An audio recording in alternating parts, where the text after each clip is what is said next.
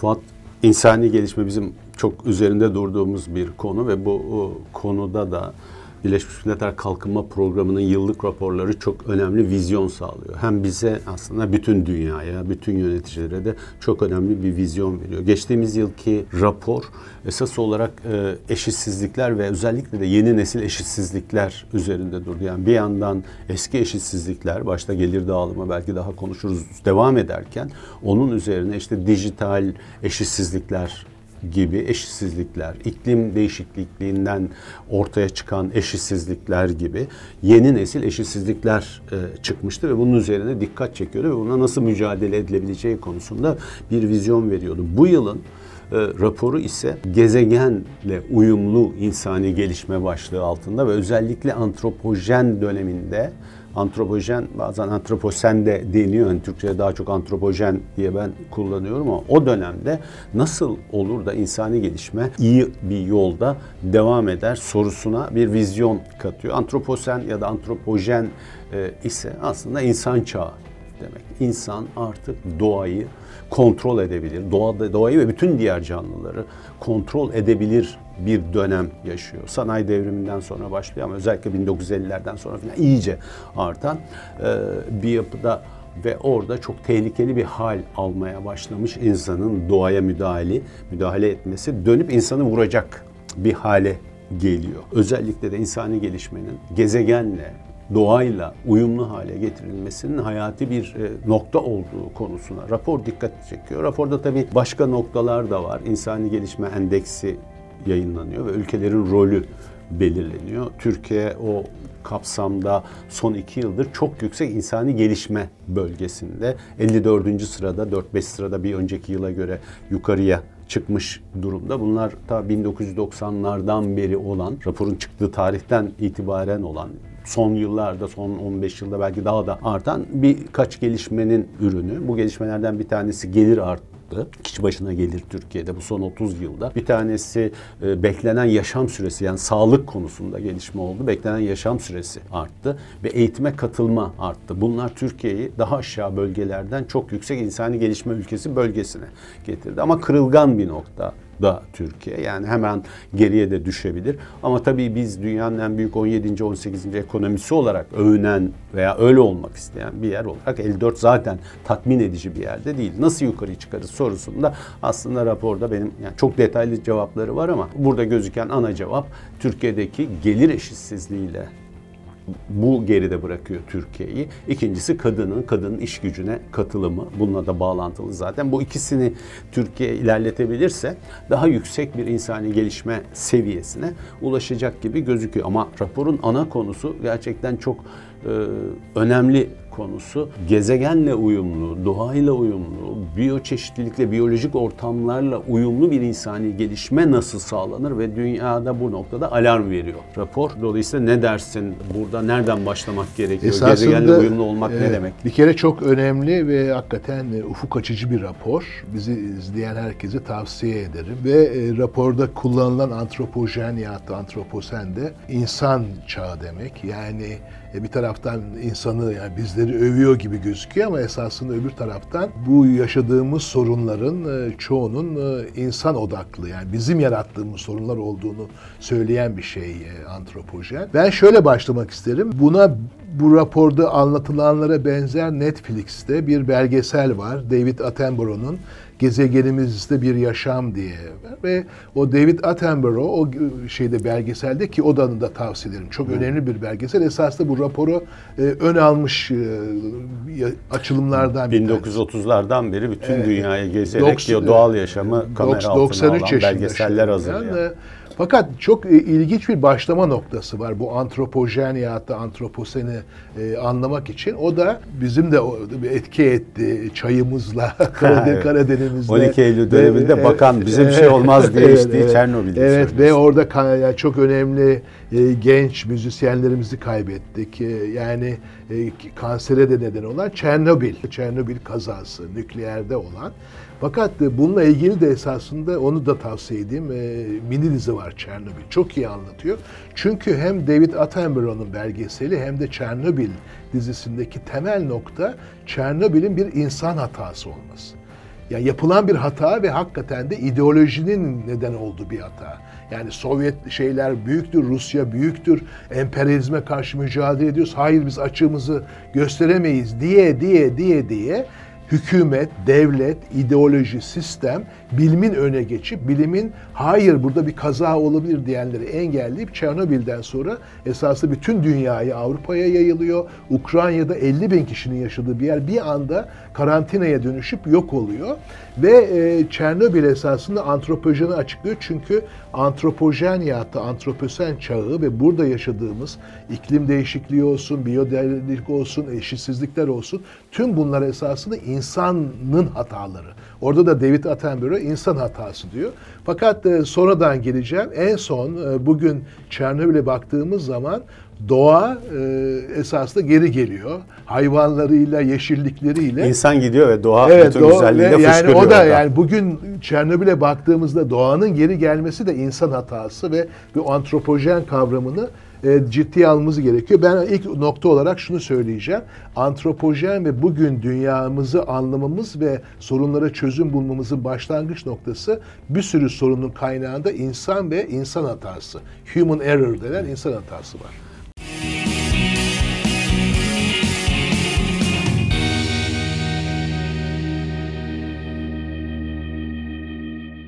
Bu iklim değişikliği sözü edildiğinde genelde e, şu algı var. Ya bu çok uzak bir şey. Yani çok uzaklarda bir şey. Bugün ne beni ne seni işte bugünkü yaşamımızı etkileyen bir şey değil. İleride bir şey idi veya öyle e, algılamaya çok müsaitti. Şimdi ama giderek son yıllarda iyice belirgin ki bu senin anlattığın belgeselde zaten David belirledi. Benim bir yaşam süresimde olan değişiklikleri anlatıyor. Yani doğduğu günle bugün arasındaki değişiklikler. Şimdi çok daha yakın e, bir şey haline geldi iklim değişikliği. Muhtemelen hepimiz fark ediyoruz artık e, bir şeyler oluyor etrafımızda. Onun etkisi e, dolayısıyla daha çabuk ilgilenmemiz gereken sanki bir şey haline, bir sorun haline geliyor. Ne onun en önemli kısmı da bu karbon salınımı denilen e, olay. Aslında hani ben çok teknisyen değilim o yüzden hani normal dile çevirirsek ben şöyle e, anlıyorum. Yani to, karbon salınıyor dünyadaki çeşitli faaliyetlerle. Onları onlar giderek o salınım arttıkça onlar yukarıda atmosferin üstünde sanki dünyanın üstünde bir battaniye oluşturuyorlar. Yani dışarıya uzaya kaçmıyor. Battaniye oluşuyor, kapatıyor dünyayı ve sıcaklık oradan geriye dönüyor. Dünya ısınmaya başlıyor. O ısınma birçok şeyi etkiliyor. Neyi etkiliyor? İşte insan e, iklimleri etkiliyor, tarımı etkiliyor, yağmur yağma sistemini etkiliyor, barajlardaki su seviyesini etkilemeye başlıyor. Hepimizi fırtınaları etkilemeye başlıyor.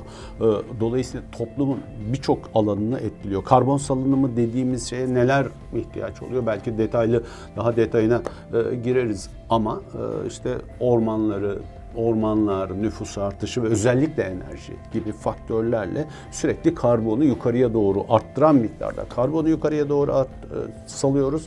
O battaniye geriye dönüyor işte oradaki buzulu eritiyor. Buzulu eritince okyanustaki hayat ve oradaki hayat değişmeye başlıyor. Su seviyesi artıyor. Buzullar eriyince o zaman su seviyesi bazı kara parçalarını aşağıda bırakmaya ve orada yaşayan insanları göç etmeye mecbur akıyor. Dolayısıyla zincirleme bir şekilde dönüp bizi vurmaya başlayan ve bugün artık günlük hayatımızda ya bu ne kadar çok bu mevsimde yağmur yağmazdı ya da ciddi bir yağmur yağardı. Şimdi sadece toprağı ıslatıyor geçiyor gibi dediğimiz şey. Dolayısıyla artık söylemek istediğim önemli şey iklim değişikliği dediğimiz unsur hemen şimdi sadece torunlarımızın torunlarını etkileyecek bir şey değil. Bizi bugün etkileyen bir şey ve bizim bugün daha fazla dikkat etmemiz gereken bir sorun.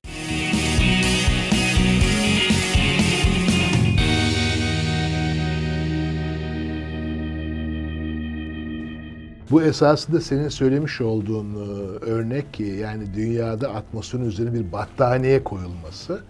Tabii buna e, doğal e, süreçler de etki ediyor bu battaniyenin oraya çıkmasına ama bu antropojen, antroposen tartışmalarında vurgulanan iklim değişikliği senin odaklandığın iklim değişikliği sorunu ya da küresel ısınma ile ilgili çok net bir saptama var. İnsan hatası dedik ya Çernobil'den başlayarak insanların e, bu aşırı kalkınma, aşırı teknolojik büyüme, aşırı tüketim temelinde iklim değişikliğinin o battaniyenin yaratılmasına verdikleri katkı 170 kat daha fazla doğal süreçlerden. Yani o yüzden esaslı burada bir insan oda yani Evet, insan tabii, hatası şey yapıyoruz. Aynı olay e, benim odaklanmak istediğim e, sen onu çok güzel anlattın. E, Oradan giderek kısaca söyleyeyim. Biyolojik çeşitlilik. Yani mesela biyolojik çeşitlilik e, burada insan var. Evet biz yani insanız yaşayacağız. Ama biz ağaçlarla birlikte bir yerde yaşıyoruz. Yani etrafımızda ağaçlar olduğu zaman zaten anlıyoruz farklılık oluyor. Ağaçların olması, ormanın olması onun içinde esasında hayvanların olmasına getiriyor ve böyle bir bütün dünyanın diyalektiği bir biyolojik çeşitlilik üzerine kurulmuş. Serengeti mesela orada yağmur yağıyor, yağmayanca insan hayvanlar geliyor. Büyük göçler var. Hayvanlar gelince onların dışkılarından gübre oluyor. Bu sefer orası yeşeriyor gibi bir esasında diyalektik var. Fakat biz bu diyalektiği biyolojik çeşitliliği mesela Amazon orm- ormanlarını yok ederek Mesela Türkiye'de Kaz Dağları'nı yok ederek yapıyoruz. Bu biyolojik çeşitliliği yok ettiğimiz zaman antropojen çağda esasında tam da senin söylediğin gibi kendimizi vuracağımız büyük bir gıda sorunuyla karşı karşıya kalıyoruz. Büyük bir esasında e, güzel yiyecekleri bulamamayla yani evvelden mesela domatesler 100 ise yani bize vermiş oldukları katkı şimdi domates yesek bile bu 70'lere iniyor. Böyle gidersek yani bu biyolojik çeşitliliği yok edersek bu daha da düşe, düşecek. Aynı şekilde okyanuslar bütün plastiklerle dolu. Oradaki e, şeylere baktığımız zaman yani plastiklerle doldurmak, kötü balıkçılık, e, bütün o balıkları yok etmek esasında 3 yıl sonra, 5 yıl sonra, 10 yıl sonra kendimizi bu balık bulamayacağız. Gıdayı, Evet, gıda bütün bir gıda bir gıda O yüzden, zincirini, besin evet. zincirini bir yerden Evet, e, biz- kesiyorsun. Evet, o kesiyorsun. an kana geliyor. O yüzden de benim yani üçüncü olarak söyleyeceğim e, iklimden sonra e, biyolojik çeşitliliğinin ne kadar değerli olduğunu e, kavramamız gerekiyor.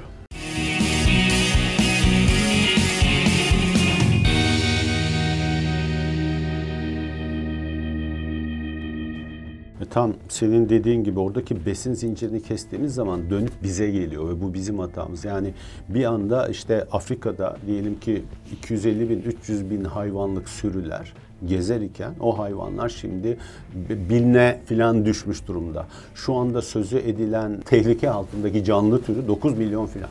Yani yok olma tehdidiyle karşı karşıya kalan 9 milyon tür canlı türü var. Bunlar insanın da bir parçası olduğu doğanın kendi dengesi içerisinde yaşaması gereken bir şey. İnsan çok akıllı, çok zeki haline geldiği anda o doğayı kontrol etmeye başlıyor ve çok hatalı kontrol ettiği için de şimdi o doğayla uyum içerisinde yaşamak yerine kendisinin de dahil olduğu büyük bir problem yaratıyor. Orada büyük balıkları mesela avlıyor balina neslini tüketiyor. Büyük balıkları avlıyor. İşte kılıç balığı, orkinos vesaire gibi balıkları. Onları avlayınca planktonlar yani okyanus üzerindeki o besin şeyleri ortadan kalkıyor. Planktonlar ortadan kalınca küçük balıkların beslenme durumu beslenme ihtimali ortadan kalıyor ve balıkçılık giderek senin de dediğin gibi ölmeye başlıyor. Doğala bir şekilde doğaya müdahale etmeye başlıyorsun ya da hayvan sürülerini öldürüyorsun. Filleri, vahşi hayvanları şu ya da bu keşfin nedeniyle şuna ya da buna yarayacakları nedeniyle ama o sürülerin gezerken bıraktığı gübrelerle ortaya çıkan yeşil alanlar şimdi birer şeye dönüyor. Çöle dönüyor. Çöle dönünce de oksijen gitmiyor havaya. Havaya oksijen gitmeyince ve nem gitmeyince de küresel ısınma devam ediyor.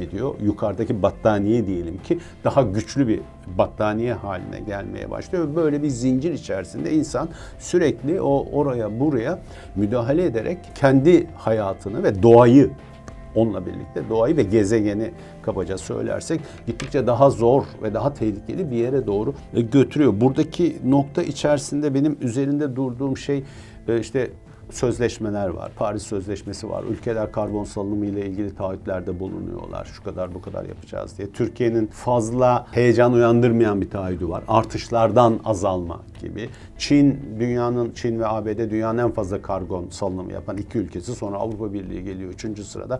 Onların taahhütleri vardı. Çin yeni işte 2060'ta ben sıfır yapacağım, sıfır karbon nötr ülke olacağım dedi. Yani bu yukarıya battaniyeye diyelim ki benim deyimle az e, katkı yapacağını söyledi filan. Ama bunlar hep böyle iyi niyetli ve üzerinde durmamız gereken birçok şirket karbonla ilgili politika büyük şirketler. e, alıyorlar. Ama e, bunların benim yeterli ol olacağı konusunda çok ciddi şeylerim var, endişelerim var. Şunun üzerinde duruyorum. Dünyada yaklaşık 200 milyon şirket olduğu söyleniyor hocam. 45 bin tanesi de borsa şirketi, daha büyük şirketler. Bunların genetik yapısı büyüme. Do büyümek istiyor yani doğal. Şirket 200 milyon şirket büyümeye çalışıyor. 45 bin borsa şirketi büyümeye çalışıyor. Evet işte sürdürülebilir büyüme, karbona ayak izine dikkat edelim. Bunların hepsini yapmaya çalışsalar bile sonunda böyle bir büyüme faaliyeti doğayla, doğadan bir şey almaya geçerli. Öbür yandan 7,5 milyar insan var. Diyelim ki bunların tabii ki maddi yoksulluk çeken 1 milyarı falan e, e, var ama bir kenarda bırakırsak başka bir kategori olarak düşünsek aslında genel olarak insanlar da bir iyi yaşam kültürüne sahipler ve o iyi yaşam kültürü de daha fazla tüketme üzerinde kurulu. Daha fazla tüketme, marka tüketme üzerine kurulu ve yani iyi yaşam tüketimle çok iç içe geçmiş ve daha fazla tüketimle de geçmiş. Dolayısıyla bir taraftan 7,5 e, milyar insan ya da 6,5 öbür bir milyar çok haklı. 6,5 milyar insan e, ben daha fazla tüketeyim diyor. Öbür yandan 200 milyon şirket onların daha fazla tüketmesi için daha fazla üreteyim, daha fazla iş yapayım diyor. Ve biz bunun ortasında işte doğayla, gezegenle uyumlu bir dünya yaratmak, hatamızı senin çok güzel söylediğin gibi o insan hatasını geriye almak çünkü düzeltme şansımız var daha hala. Ee, onunla uğraşıyoruz. Dolayısıyla benim hani şurada ekleyeceğim temel not şu. Biz iyi yaşam nedir'i yeniden değiştirebilmeliyiz. Raporda çok güzel bir şey var. Sigara alışkanlığındaki zaman içerisindeki davranış ve tutum değişikliğini anlatıyor. Yani bundan 50 yıl önce sigara içmeyen adama ya işte 18 yaşında hala sigara içmiyorsun falan yani biraz böyle hanım evladı filan denen bir algı vardı. Şimdi sigara içen ezikleniyor. Yani içse bile böyle ezik ya, sigara içiyor hala filan diye ezikleniyor. Büyük bir davranış değişikliği var. Dolayısıyla biz mutluluk ve iyi yaşam gibi kavramları tüketimle ilişkisini biraz kesebilme ve tutum değişikliği yaratabilmeliyiz ki doğayla e, daha uyumlu, gezegenle daha uyumlu olalım. E, bu da temel noktam evet. benim.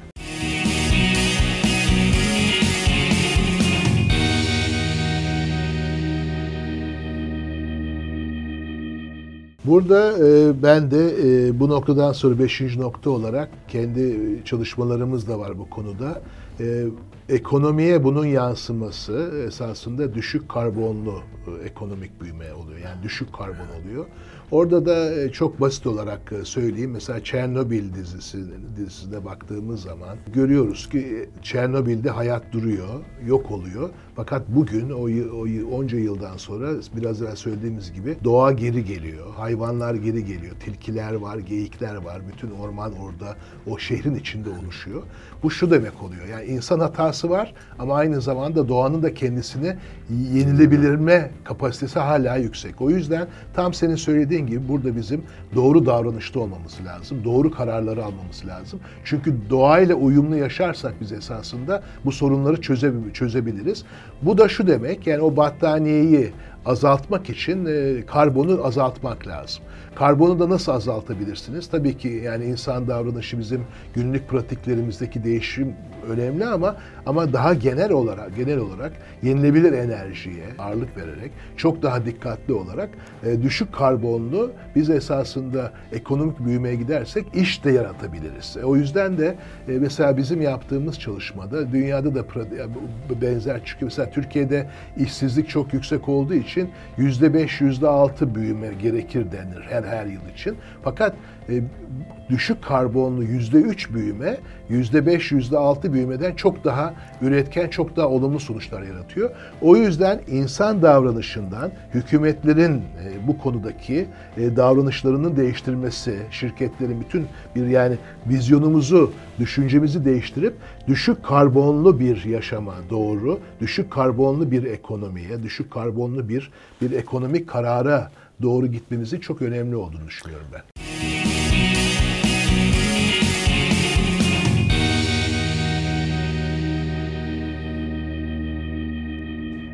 Birleşmiş Milletler'in bu 2030 ajandası diye bir şey var. Hani 2030 evet. yılında e, dünya şu şu şu hedefleri gerçekleşsin, ülkeler bunun üzerine çalışsın dediği bir 2030 ajandası ona sürdürülebilir kalkınma amaçları evet. e, deniyor. Onların önemli bir kısmı hükümetlerin yanı sıra yani hükümetler merkezi iktidarların çok önemli rolü var burada. Program yapması, plan ve hedefleme yapması. Ama sürdürülebilir kalkınma amaçlarının önemli bir kısmı da aslında yerel yönetimleri de, yerelleri de kapsıyor. Ve orada yerel yönetimlerinde böyle iklim eylem planı gibi planları var. Büyük şehirlerin var, bazı ilçelerin var. Ee, o oradaki kritik noktada şu oluyor. Hepimiz biliyoruz ki sonsuz sayıda kaynağımız yok. Yerel yönetimlerinde yok hani gibi. Ee, ve güzel irade beyanları gibi olmamalı bütün bu konuştuklarımız. Bütün bu konuştuklarımızın pratiğe dönebilmesi için ölçülebilmesi ve hedef koyulması gerekiyor. Geçen işte biz insani gelişme endeksi çalışmaları sürüyor. Arkadaşlarımız e, büyük şehirlerden raporları tarıyorlar bir şeyde ve orada bazı istatistikler çıkarıyorlar. 30 büyük şehrin 15'inde kişi başına düşen yeşil alan bilgisi yok. Yani yayınladıkları raporlarda. Dolayısıyla ortada aslında ölçül yani genel irade beyanımız var. Aa güzel olsun işte iklim değişikliği o bu iklim eylem planı fakat buna irade beyanı gibi kalıyor. Yeşil alanı çoğaltacağız. Bir irade beyanı gibi kalıyor. Kaynak da sınırlı olunca benim bütün üzerinde durduğum şey biraz daha ölçülebilir hedeflerle çalışmak ve belli alanlara yani İstanbul'da belli alanlara odaklanmak ama diyelim ki hani eski Seferhisar'ın belli bir alana odaklanmışlığı vardı. Hani slow city, yavaş şehir diye.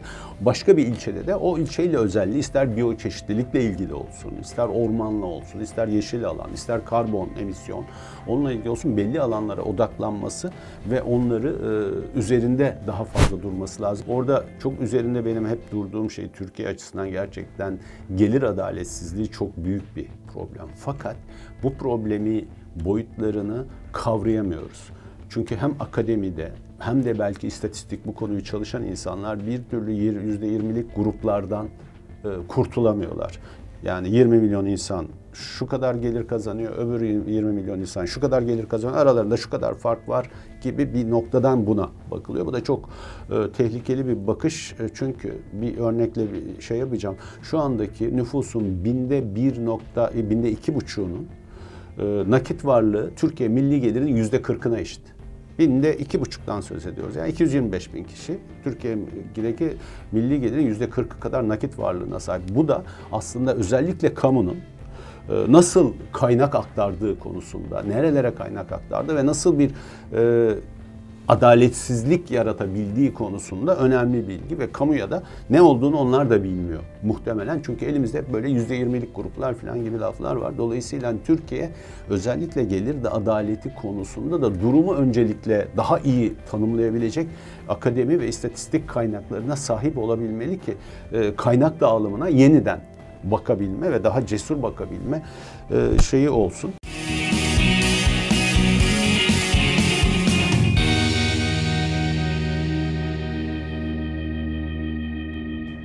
Hocam bu e, programımız 2021 e, yılının ilk programı. Tarihi 1 Ocak ve biz e, insani gelişmeyi özellikle inceledik. Çünkü yeni yılda da, yeni yıllarla da daha iyi, daha mutlu, daha huzurlu olabilmemizin odak noktası insani gelişme. Bu kavramla iyi insani gelişme yolunda güçlü adımlar atarız umuduyla ve çabasıyla e, mutlu yıllar. Evet. Ben de herkese e, mutlu ve sağlıklı, Covid-19 bize onu gö- gösterdi. Eğer ders alacaksak e, mutlu ve sağlıklı bir yeni yıl dilerim ve mutlu ve sağlıklı ve barış dolu olmasının da temel e, kavramının ve referansının insani gelişme olduğunu tekrardan söyleyerek e, burada bitirebiliriz.